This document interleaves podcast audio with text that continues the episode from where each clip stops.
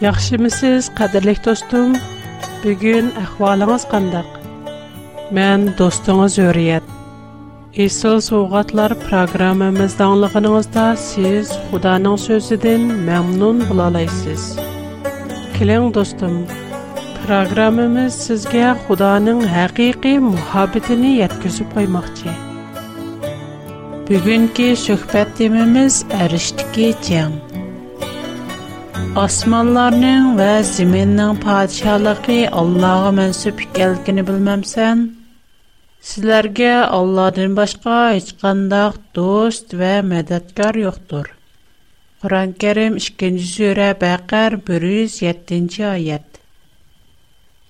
Меніңше көпчілік достарым айып пайғамбар тоғырлық хілі көп аңылған болушы мүмкін. Tövəndə mən Təvrat Ayub kitabından qədirlik dostlarımğa Ayub peyğəmbərinin hekayəsini oxub birəy. Uz degen şəhərdə Ayub isimlik bütünlüy durus Pərverdigar Xudani hörmətləyidigan və süyidigan bir kişi bar idi. Onun 7 oğlu, 3 qızı olub, yetti ming qo'y uch ming tuya besh yuz jupkala besh yuz eshak va ko'plagan chaqarlari bor edi sharqda eng boy kishi hisoblanadi uning o'g'illari navbat bilan uyida ziyofat qilib uch och singillarni birga ziyofat qilishga chaqiradi ziyofat kuni o'tib ketgandan keyin ayub odam avatib bolalarini poklanishga buyurdi Özü həm taң səhərdə durub, ularının adam sanı boyunca qurbanlıq qılatdı. Çünki o könglədə, oğullarım günah qılıb Xudadan azğan bulub qalmasın, deyib oylaydı. Bir günü ərişdə çoğun yığılış buldu. Ərişdəki barlıq canlıqlar Xudanın aldığı yığıldı. Şeytan mı gəldi. Pərverdigar Xuda şeytandan sorudu. Ә, шейтан, нядын кілшим?» «Бүтін, ер-юзіні айленіп чықтим, шу-ярдын қайтип кілшим?» Чаваб барды шейтан. Сән минин сади хизмэткарим айыпни көрдуң ма?» «Ер-юзі де уны ғоқшаш бүтіл-лай дұрус. Худани үрметлайдыған ва уни сүйдіған рәзіліктін ерақ адам йоқ. Şeytan cavaben. Hmm. Ayıbının Xudanı örmətlişi və onu söyüşünün səbəbi yoxmu? Sən onun tört ətrafını çitlab, onun ailəsi həm də onun barlıq mülkünü qodumadın mı? Sən onun əmləgə bərkət ata qılıb, onun baylıqını əsirləb köpəydimədən mı? Maqul. Оның барлықы сінын құланды, барақ Қынанға зиян кәшлік қылма. Парвардигар худа шындах диганын кин, шайтан худанын алдыдын кетті. Бүр күни айыпның парзантлари чоң ақсының үйгіліп зияпәт қылват қынада, бір хаварчи айыпның қышыга жүгірап келди.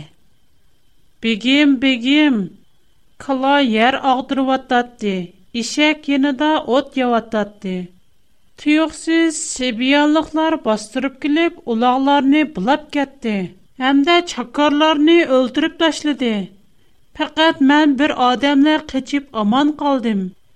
Шуа бұ хабарны сізге яткөзгілі келдім, деді. Оның сөзі тәхі түгімейла, яны бір адам жүгіреп келді. Хожайын, хожайын, Xudo osmondan o't yog'dirib, qo'y podilari va chaqqonlarni kuydirib tashladi. Faqat men bir odamla omon qoldim. Shunga bu xabarni sizga yetkazgili keldim. deb turishiga yana bir odam hosirg'an holda yugurib kelib, mundoq dedi. Xo'jam, kaldiyonliklar, kaldiyonliklar ishga bilinib tuyuqsiz bostirib keldi. Tugularni bulab, chaqqonlarni o'ldirib tashladi.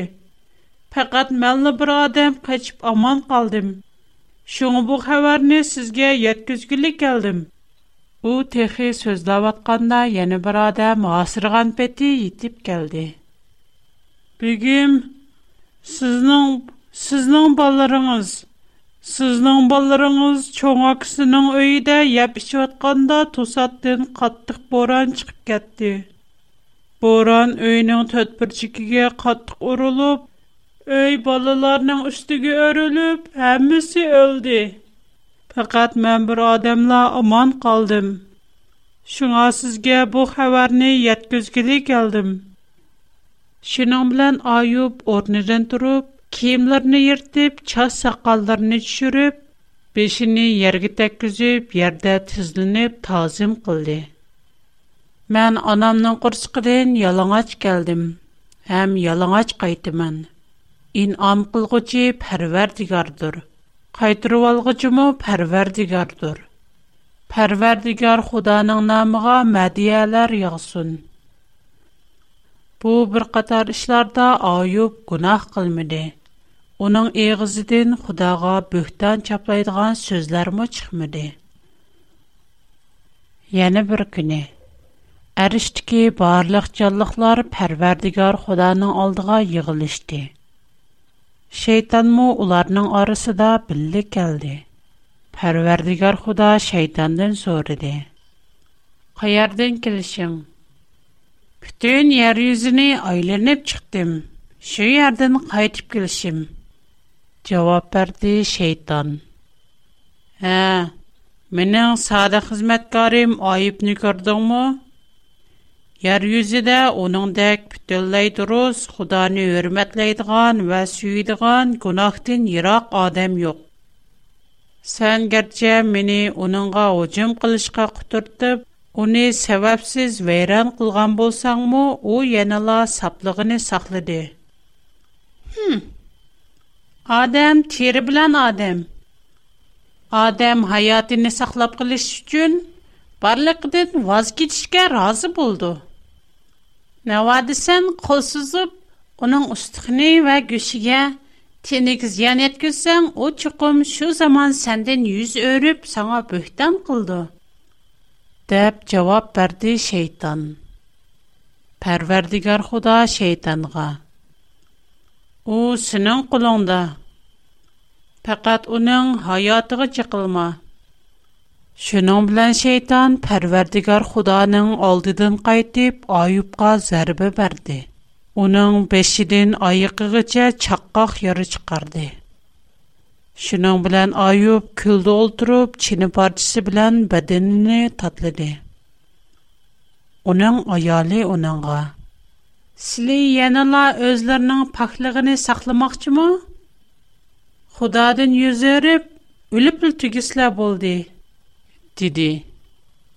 Ayıp bolsa onunğa. Kalva xutundak bilcirlima. Acaba biz Xudanın quludan bəxt görüşdük. Qapət kimi uçurmamdıq. Bu bir qatar işlarda ayıp iğiz etib günah qılmadı. Varkes Xudağa böhtan çaplamadı. Ayıbның үч Билдад, Zuffarlar bu barlıq apətlərini anlığandan keyin onunğa təsəlli veriş üçün gəldi. Onlar onun yanında 7-2 gündüz öldürdü. Heç kim onunğa söz qılmadı. Çünki o qatlıq azablanıb atatdı. Keyin Ayub iğiz açıb özünün doğulğan gününü qarğaşqa başladı. Mən doğulğan aşı günü ham o'g'il bo'voq ekan degan ashu kecha yo'qolib ketgay u kuni qorong'ulikqa aylanib qatorliq nurg'un so'zlarni qildi biroq uning do'stlari bo'lsa siz chuqum biror yushurun maxfiy gunoh qilibsiz shun xudo sizga g'azab qilib sizni jazoladi deb oyib bilan munozirlashishga boshladi Айып болса, өзінің гунақсызлықын әйтіп, олар білән мұназыры қылатты. Олар көп мұназырләшкәннен кейін айып өзіні әққаны деп чығын тұрғалық үшін, оның үш досты оныңға яна жауап қылмады. Бұл жағда оларның арысыға қошылып олтырған Илеху үсімлік яш айыпқа атчықланды. Чүнкі айып өзіні әққаны деп қарап, xudoni haqqoni demagan edi elixu яна oyibning uch do'stiga ochiqlandi chunki ular oyibning so'ziga javob qaytarolmay yanala oyibni gunoh qildi deb ching turdi elixu ularga xudoning haqqoniligi mehribonligini ko'p tushundirgandan keyin keyin parvardigar xudo quyun ichida oyibga javob qaytardi Сен үзеңне ни әйти mükemmel дип караيسен. Бирақ мен һәммәдән mükemmel. Сәннең әң mükemmelлегиңне түшенмәيسән, һәм чинәлмәيسән. Чөнки сән инсан, мен Худа. Шunun белән Айыб үзене Худаның алдыда кемтәр ва туан туп Худага бөйсөнде. Парвардигар Худа Айыбка сөз кылганнан кин Onun üç dostuğa mundaq dedi. Sizlərə mənim qəzibim yağdı. Çünki sizlərin mən doğruluq qılğan münazirənglər sadiq xidmətkarim ayıbның sözüdən doğru emas. Hazır sizlər 7 dana erkek qala, 7 qoşqar elib, mənim xidmətkarim ayıbның qəşiq berənlər. Özünlər üçün qurbanlıq qılınlar.'' Mening sodiq xizmatkarim Ayub sizlar uchun duo qildi. Mən onu qəbul qılğanlığım üçün sizlərinin axmaqana sözünlər üçün sizləri cəzalamayman. Sizlərin sözünlər doğru emas. Şunun bilan Ayubning 3 do'sti Parvardigar Xudoning topshiriqi bo'yicha qildi. Şunun bilan Parvardigar Xudo Ayubni qəbul qildi. Кейін пәрвәрдігер құда оның байлықыны үлгіркеден әсіліп зияды қылды. Айыпның қиріндашлары вә тұныш білішлері оны йоқлап келді. Әм о ұшчырған күлпәтлерге іш ағыртып, тәсәлі біріп, әр бір адам оныңға бір парч күміш вә бір тал алтын алқа соғат қылды. Шына қылып, пәрвәрдігер құданың кейін айып қата қылған бәқті бұрын қыдымы көп болды. У 14 000 кой, 6 000 туге, 1 000 джип кала, 1 000 ишекке еришди. Яна ятты оғол 3 қызғы му ігі болди. Оның 3 қызы наайти гюзел болоб, о ярда олар ғоқша ширайлық аял тепылмайди. Айуп қызларыни оғолары қатаридын мирасқы ігі қылди. Маны бу Айуп пейгамбарның айгайси.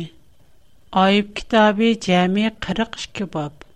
Təxminən 3 bab nəsri şəkildə Ayıbnin abət küçüraş və iltbatqı irşiş cəryani bayan qılınğın.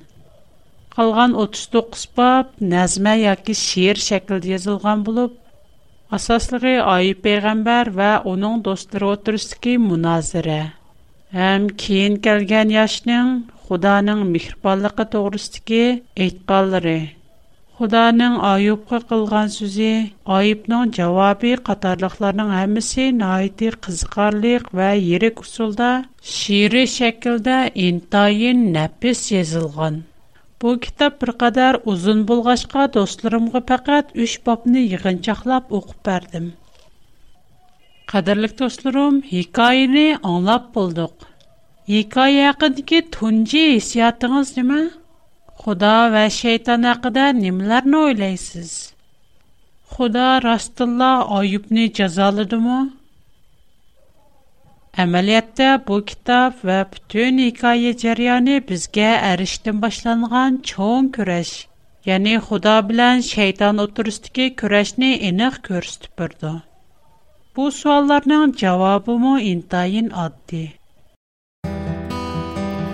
Samaviyatımız hal Bozundayım şan Onun mihribanlığı Bizge bir payan Şan şerefler Rabbimizge Şan şerep Kudağa Mukaddes ruhin bizlerge Yar bolsun Ah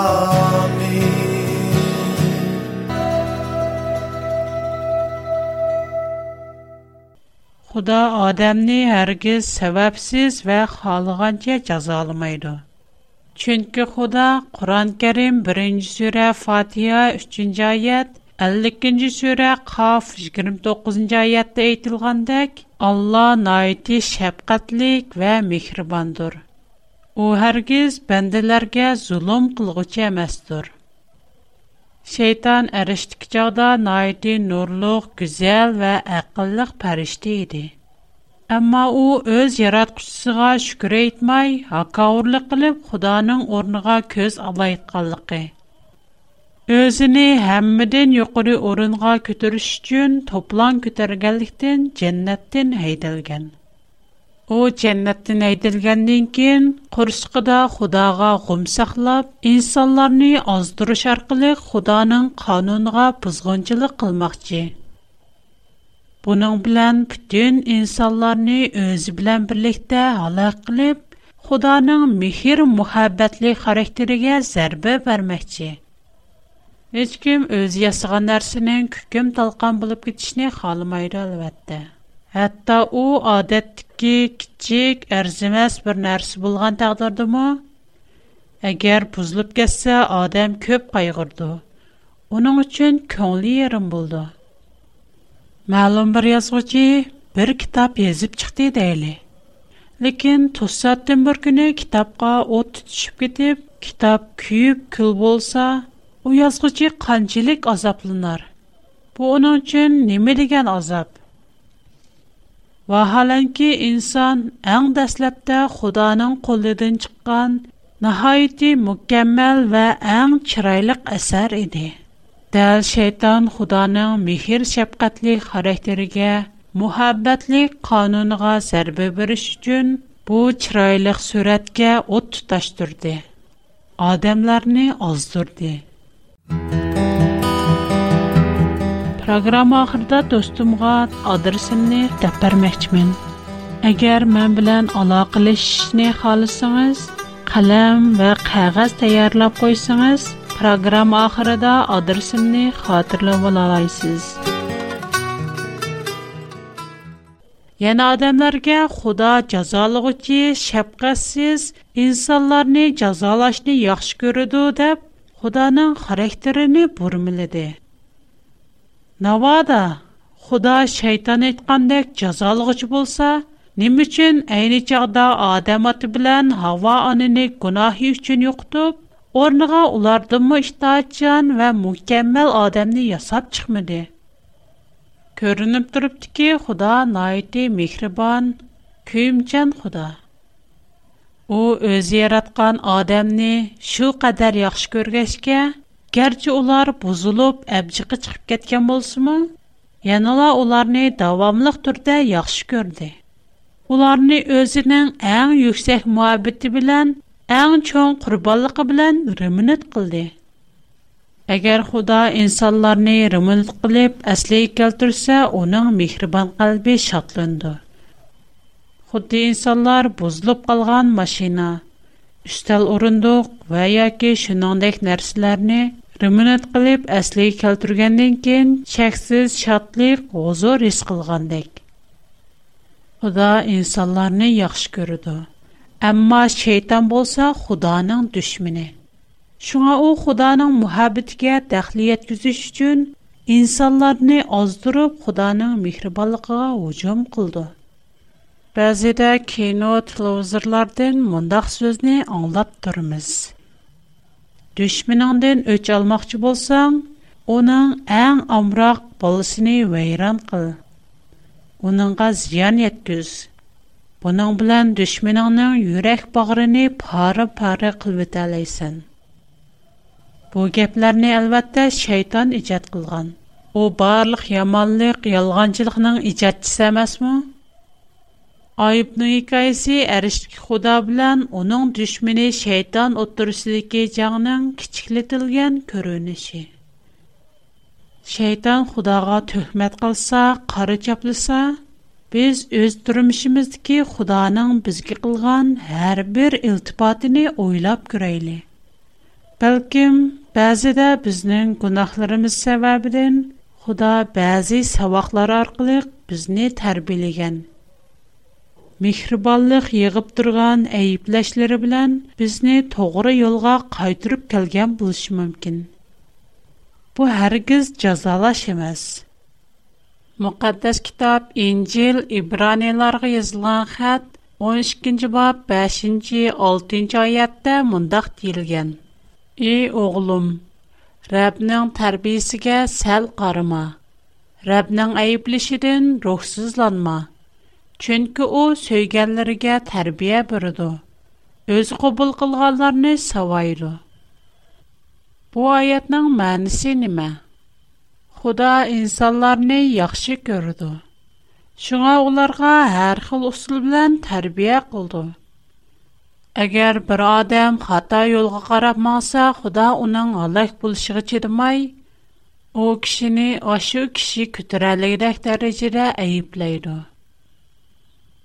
Навада бер ата өз пәрзәтіне яхшы көрдім дәп тұрып. Балысының хәммешлерға йол қойса. Балысы арақ чеш, тамак чекеш қатарлық яман ішләні қылғанда, баламны сүймен. Оны әйіплешке, жазалашқа құлым бармайды деп балысыны давамлық пәпілісі. Бу атының балысығы болған мекрибалықы, күйімчалығы қандық. Әгәр бала яман юлга кирип, балага учырса, очуқом атсыдан, атсының тәрбиеседен каттык агырынды. Бу аты болса, балысының бешиге чыккан чоң айыпкар булып исәпленде. Оқшашла бер ата өз балысын яхшы көргәнлеге өчен балысы хата иш кылганда аны айыплайды. Эгеррак булганда аны чивек белән савайды. Әмма ешқандақ бір мекрібан ата өз балысыны құпалмайдыған дәрежді қаттық ұрветмейді. Оларның балларыға тәнбек бірші. Оларны сауыши бала көтір әләйдіған дәрежі дә ене кәм юмшақ. Әгер аты болғычы қопалық білән балыны ұрып қопалмас қылып қойса, яки балыны яқшы тәрбілмәй өз мәйлігі қойып әрсә, Бу бала әргіз оның өз баласы әмәс. Чөнки о бу балаға күйінмейді, яки оны яқшы көрмейді. Худа бізні әр қандақ бір мехрибан атыдын му бәкірек яқшы көрді. О дүниядікі барлық мехрибан аты аналарды му мехрибан, әм шәпқатлик. Шоңа о бізге әр дайым күйінді. Әгер біз хата йолғы керіп қалсақ, худа тәнбейлер bizni savob to'g'ri yo'lni ishorat qildi. Bizni to'g'ri yo'lga yetaklaydi. shunga xudoning мошы dunyodagi insonlarga bergan tarbiyasi hargiz jazo emas balki mehribonlik Шайтан bizga Худа insonlarni jazolashqamroq u kishilarni кәлс-кәлмәс jazolaydi deb үгетде. Həm məşu dünyadakı barlıq balayafət, cəzalaşdığın hamısı Xudadan gələn deyə yalan aytıdı. Qur'on-Kərim 35-surə Fatir 45-ayət. Əgər Allah insanlarni onların qilmishlari tufaylidan jazolaydigan bo'lsa, yer yuzida hech bir jon egisini qo'ymagan bo'ladi. Va lekin Alloh ularni muayyan vaqtgacha ta'xir qiladi. Дилгенедек Худаның инсанларны сора кылган күне бирле катым. Жазалайдыган күнемо бирле катым келеди. У булсымы кыямат. Бу дөньядагы эгер жаза, апат, бузгынчылык ва һәр хил разил кылмышларның һәммәсе шайтандан келеди.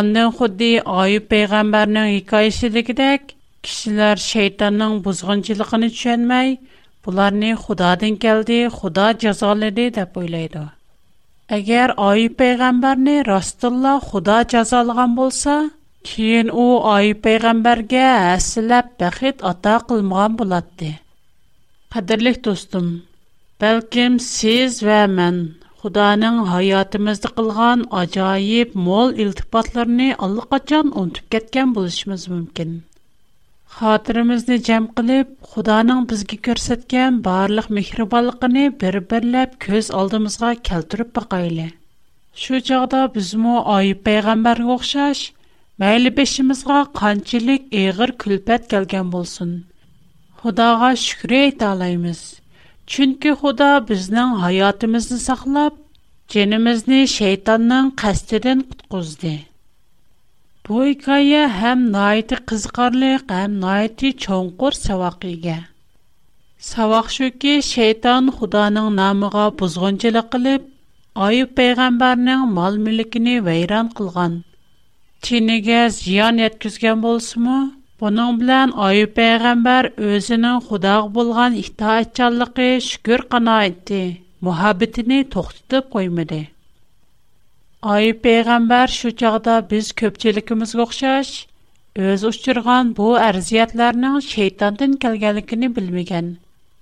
Bəlkəm bu afatlar Xudadan gəlgan bolsa kerak deb oylagan bolsunmu? Amma u hərgiz Xudadan ağrınıb, özünün Xudağa bolgan itaatçılığını toxtutub qoymadı. Ойлап бақайлы. Şu çağda Ayub peyğəmbər şərqdə ən bay kişi. bir gündəla barlıq mal-mülkidən ayrıldı. Məyli Ayub peyğəmbər bay vaxtıdır bolsun, ya ki kəmbəğal vaxtıdır bolsun, öz paxliqini saxlab, xudaq bulğan muhabbeti işəncini təvratmidi. Bu qandaq çoğunqır təlim. Mən xudani mağa köp baylıq ata qılğalıq üçünləməz, bəlki həmin ərsədən ayrılıb kəmbəğal bulub qılğan vaxtımdımı, Огшэшлай яхшы күрмән. Чөнг Худа менә алды белән яхшы күрде. Мен уныңга җавап кайтур өчен уни яхшы күрмән. Уныңга буйсынамын. Мәйле мен байбулай кембәгал булай, ул иң мехрибан, иң шафкатьле Худа. У менә яхшы күрде. Худа өзенең михр мәбәтенни чүнеп итеп, үзгә әркен итаат килишне халыган. Унан тэнбихини, хошаллых билэн, қубыл qilishni ішни халайды ғаларға, 3-ci bab, 8-ci ayat 10-ci ayat-kica mundaq vadi bergen.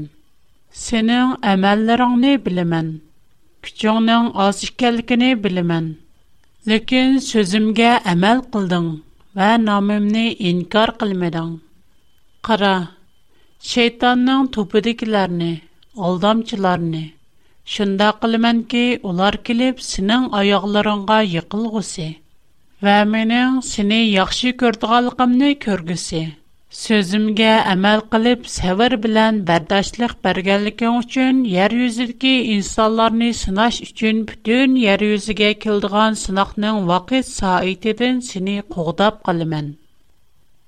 Маны бува ва bu dunyodagi barliq arziyatlarga sabr qilib, Xudoning mehr-muhabbatli xarakterini tushungan va Xudoning bu mehr-muhabbatini boshqalarga bergan har birimiz uchun berilgan eng go'zal va'da.